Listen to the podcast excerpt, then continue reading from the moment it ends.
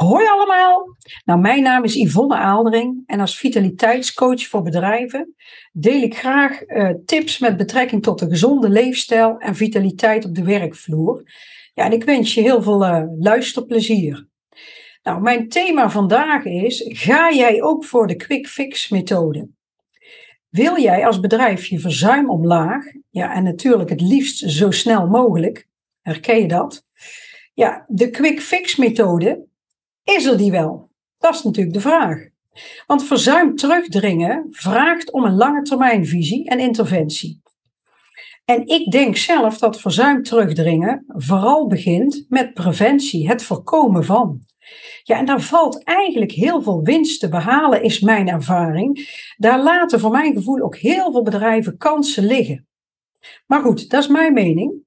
En bij preventie is het natuurlijk een investering uh, die zich later terugbetaalt. Maar heel vaak zie ik bij bedrijven dat men een snelle oplossing wil. doe maar een paar workshops over leefstijl.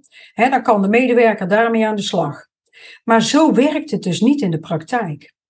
En wil je iets eigen maken, een duurzame verandering, gedragsverandering of iets verbeteren, ja, dan lukt dat eigenlijk nooit met een eenmalige actie. Dat kost toch wat meer tijd.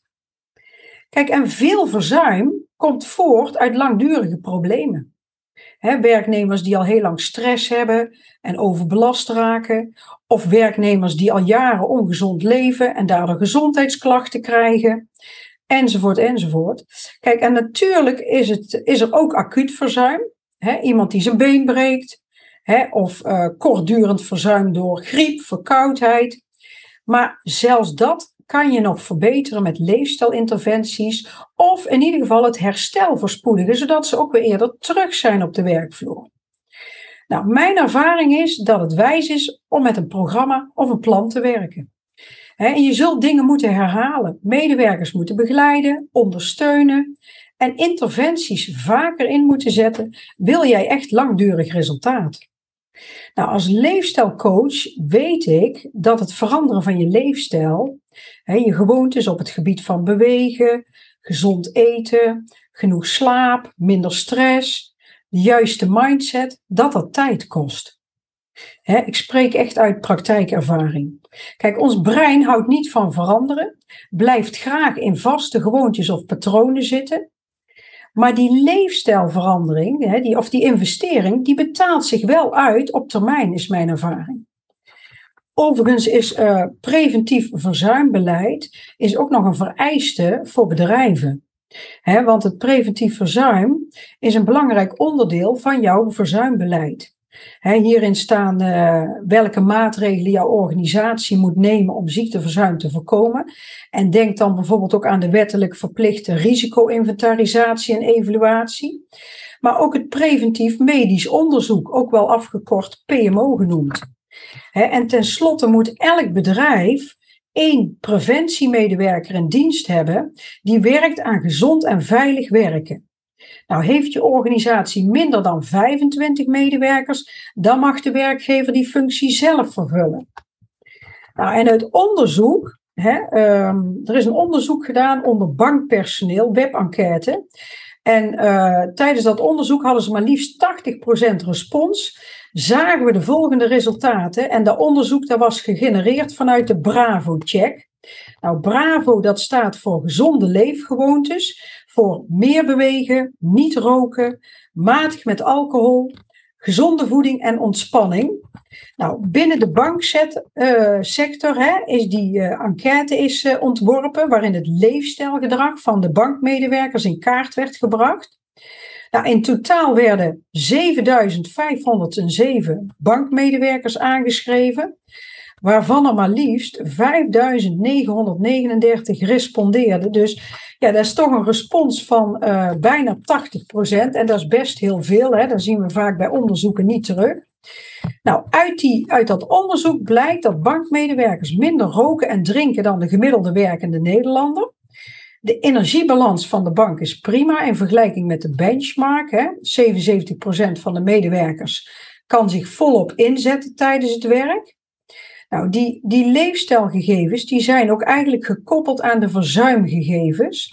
En uit die analyse blijkt dat rokers hè, en werknemers met ernstig overgewicht, obesitas, geheelonthouders en werknemers die nooit sporten, dat die een verhoogd verzuim hebben. Dat is best heel bijzonder. Nou, van roken weten we vaak wel hè, en van overgewicht ook. Maar ik was wel verrast ook uh, over geheelonthouders. Ja, ditzelfde geldt eigenlijk ook voor werknemers die na het werk weinig energie hebben voor activiteiten. Hè, of die heel langzaam herstellen na het werk. Of um, ja, ook weinig energie hebben op het werk. Wat natuurlijk weer de productiviteit uh, beïnvloedt. Nou, het eten van voldoende fruit en groente, hè, bijna dagelijks matig bewegen, dat, um, dat gaat niet gepaard met lager verzuim. Dat was ook wel een heel opmerkelijke uitkomst uit dit onderzoek. En um, op basis van de uitkomsten heeft de bank ook de prioriteit gelegd bij het stimuleren van sporten, afvallen, stoppen met roken en herstellen van de energiebalans. Ja, er zijn natuurlijk ook echte leefstijlthema's. Maar goed, een leefstijlinterventie inzetten in jouw bedrijf. Kijk, een ongezonde leefstijl, dat weten we allemaal, is een risicofactor voor diverse chronische ziektes. en dat heeft echt gevolgen voor de productiviteit, maar ook voor de arbeidsparticipatie. Dus leefstijl vond daarmee een van de aangrijpingspunten voor interventies op het gebied van gezond werken of doorwerken. Ook voor de ouder wordende werknemer is gezond door kunnen werken, productief kunnen blijven, is heel erg belangrijk. En doordat steeds meer werkgevers een gezonde leefstijl van medewerkers stimuleren, ja, is de vraag in hoeverre de werkgever zichzelf met de leefstijl van de werknemer mag bemoeien. En wanneer wordt de privacy geschaad? want we hebben inmiddels de AVG-wet, waar we ook mee uh, te dealen hebben. Nou, in een onderzoek onder werknemers in diverse bedrijven onderschrijft ruim een meerderheid de stelling dat het goed is dat de werkgever de gezondheid van zijn medewerkers probeert te verbeteren. En een minderheid is van mening dat de bemoeienis van de werkgever met zijn gezondheid een inbreuk is op zijn privacy. Dus heel veel mensen staan er wel voor open als er stimulerende maatregelen zijn. Dus dat is best heel goed nieuws. Nou, wanneer de leefstijl van medewerkers invloed heeft op uh, het werk dat iemand uitvoert, hè, en daarmee dus ook op het, de productiviteit, het werkvermogen, hè, dat komt eventueel in gevaar of het vermindert dan lijkt het ook steeds meer geaccepteerd te zijn dat de werkgever zijn werknemer hierop aanspreekt. Want um, ja, als dat in het geding is, maar is dat niet in het geding, dan lijkt het wel wat minder geaccepteerd. Nou, en um, verder kunnen werkgevers hun medewerkers, zelfs die met een groter risico op productieverlies en verminderd werkvermogen, die kunnen ze natuurlijk niet dwingen tot het aanpassen van hun leefstijl. Maar ik weet uit ervaring dat je wel allerlei stimulerende maatregelen en interventies kan doen die bevorderlijk werken. En dat is de kunst. Hoe pak ik het aan? Nou, als je dan kijkt ook bijvoorbeeld wat zegt de wet hierover, want dat is toch wel even belangrijk om te weten. Want je hebt de Arbo-wet, en die bevat allerlei verplichtingen die eigenlijk ook heel relevant kunnen zijn met het oog op de leefstijl van werknemers. Um, vanuit de ABO-wet en het ABO-besluit moet de werkgever voor de veiligheid en gezondheid van de werknemer zorgen. Dus je hebt daar zelfs als werkgever een verplichting in. En dat betekent dat je periodiek uh, onderzoek moet toepassen, risico's inventariseren, hè, die de arbeid voor de gezondheid van de werknemer um, ja, in kaart brengt, maar ook um, ervoor zorgt dat de risico's die arbeid met zich meebrengen ook zoveel mogelijk voor, ja, beperkt worden of voorkomen. Dus uh, dat betekent dat je als uh, werkgever zeker een aandeel hebt in leefstijl.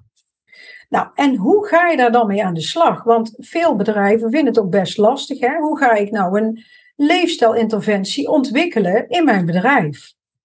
Nou, er is natuurlijk geen standaard recept voor. Om een effectief uh, leefstijlplan te komen. Dat is altijd maatwerk, dat verschilt per bedrijf. Dat is ook afhankelijk van ja, wat voor branche zit je, wat voor type werknemers heb je. Maar goed, de eerste stap begint eigenlijk altijd al met het uitvoeren van ja, een probleemanalyse. En kijken van nou, met wat voor doelgroep heb ik te maken? Wat zijn belangrijke factoren? Hè? Of um, risicofactoren waar uh, die interventie zich op zou moeten richten. Kijk, en zo kan je dus een plan gaan ontwikkelen. En daarvoor moet je natuurlijk wel inzicht hebben in je verzuimcijfers, in um, in hoeverre een ongezonde leefstijl een probleem vormt binnen de organisatie en wat eventueel oorzaken van een ongezonde leefstijl kan zijn en of dat je daar uh, mee aan de slag kan. Nou, verder is het ook heel belangrijk om je af te vragen of de acties die je gaat doen hè, uh, voor alle medewerkers, of dat die zich ook richten op uh, verhoogde risico's, op verzuimpreventie. Nou, ik heb uh, uh, een, een, stappenplan. Dat heeft uh, het RIVM heeft dat uh, ontwikkeld, een zeven stappenplan. En dat is gericht op de gezondheidsbevordering op het werk, op de werkvloer. En dat is dus echt gericht op gezondheidsmanagement. Nou, dat stappenplan bestaat uit de onderstaande stappen. En ik ga ze gewoon eens even allemaal beschrijven, zodat je een idee hebt van, ja, hoe zou ik nou met zo'n plan aan de slag kunnen? En wat moet er een beetje in? En ja, wat zijn dan logische stappen om te nemen?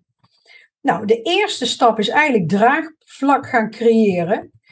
zorg vooraf voor ondersteuning en goedkeuring van je plannen. En heel belangrijk daarvoor is natuurlijk dat je uh, het gedragen wordt door het management, door de leidinggevende. Hè, dat die achter zo'n plan kunnen staan, er eventueel bij betrokken zijn, bij de ontwikkeling.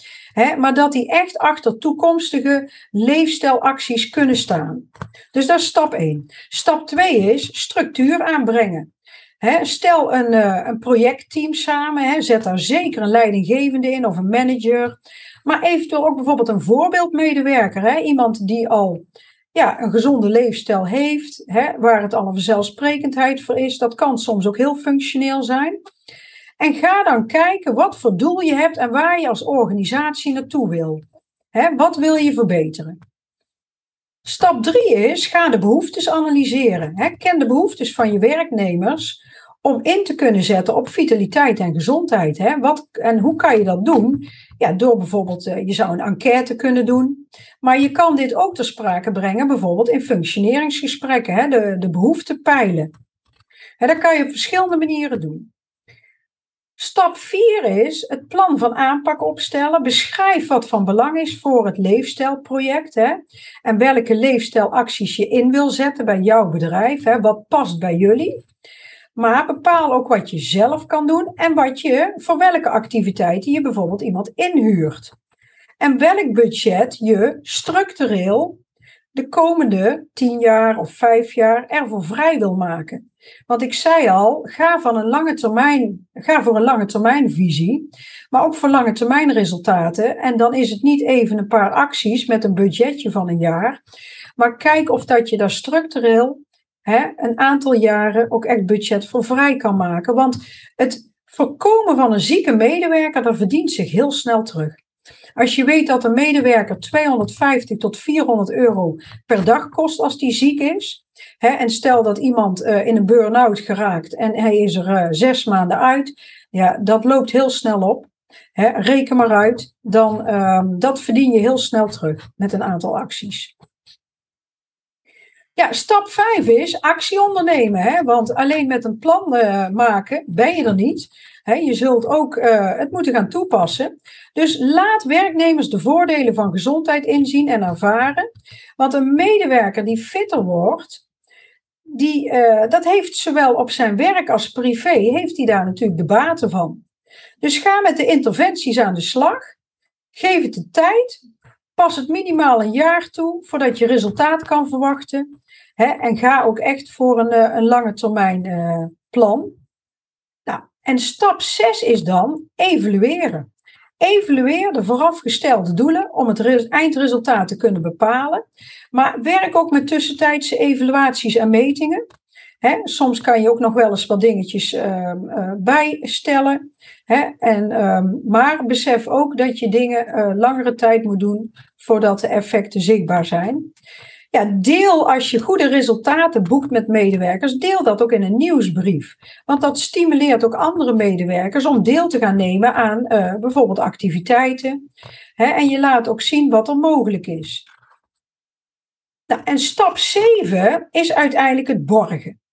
Dus echt uh, de activiteiten integreren in de organisatie, zodat het echt een, uh, ja, een vanzelfsprekendheid wordt, dat het een onderdeel is van het bedrijf.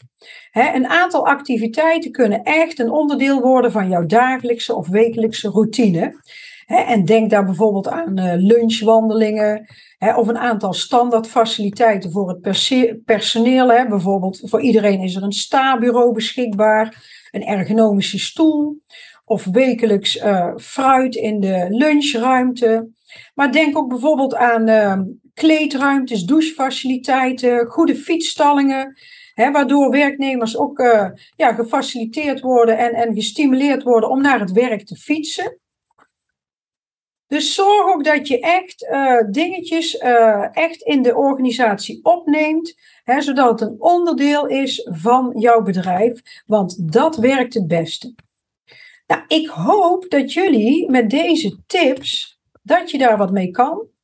Dat het nuttig is. Ga ze toepassen in de praktijk. Doe het eventueel stapje voor stapje. Je hoeft niet alles meteen in te zetten. Sowieso met een plan opstellen. Neem daar de tijd voor, dat het ook gedegen is. Ja, en kijk ook gewoon welke tips het beste bij jouw bedrijf of jouw medewerkers passen. Nou, ik wil je graag uh, bedanken voor het uh, luisteren naar deze aflevering van uh, EvoFit Lifestyle Coaching. Nou, en als je geen aflevering wil missen, um, ja, abonneer je dan bijvoorbeeld op Spotify, Apple of Google, hè, op de podcast of op mijn YouTube-kanaal. Mocht je iemand in je omgeving hebben waarvan je denkt, nou, die zou ook zeker wat aan deze tips hebben, deel dan gerust ook mijn aflevering in je netwerk. En uh, ja, graag tot een volgende keer.